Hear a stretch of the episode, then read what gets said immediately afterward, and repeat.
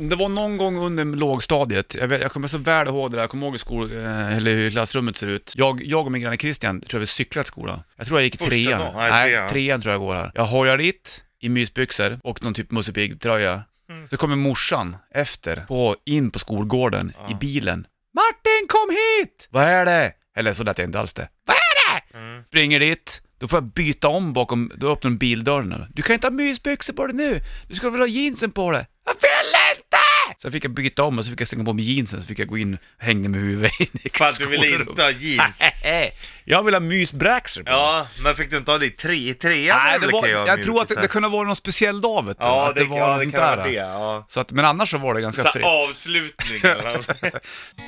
Vad tror du händer med folk om de inte skriver Facebook-status en dag? Får man panik då eller? Skriver du ingen status finns du inte. Är det så lite grann? Och det- de här statusgrejerna som oftast flödar upp där, det är lite negativ touch på, all- på det mesta där. Det är det, definitivt. Men jag tror att de som gör det och skriver så här mycket, de har inte så mycket, Annat eller? nej. Lägger de upp en Facebook-status och sen så sitter de och uppdaterar och kollar, hoppas att det är någon som hugger så får jag hugga tillbaka. Ja, definitivt. Det Mm. tror jag är jättevanligt. Jag vet, jag känner igen typen du pratar om.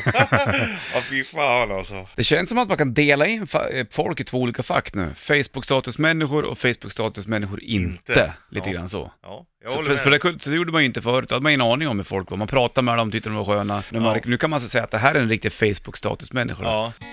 Vad är det du inte gillar med hotellfrukost då? Jag tror mer att det är själva grejen, att så, åh gud, hotellfrukost, så bara vad fan, det är ju bara lite mackor och fil. Ja visst, det finns lite frukt typ. Alltså, det är ju inte så speciellt. ja, men du, du vet, du kanske har två olika ägg. Du kan få en, om du har tur så kan du få en omelett.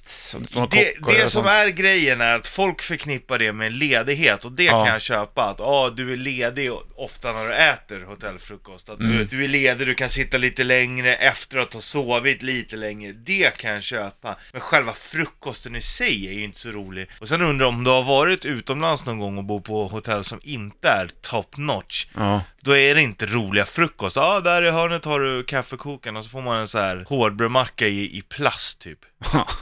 liksom då kan jag säga att det är ingen rolig hotellfrukost.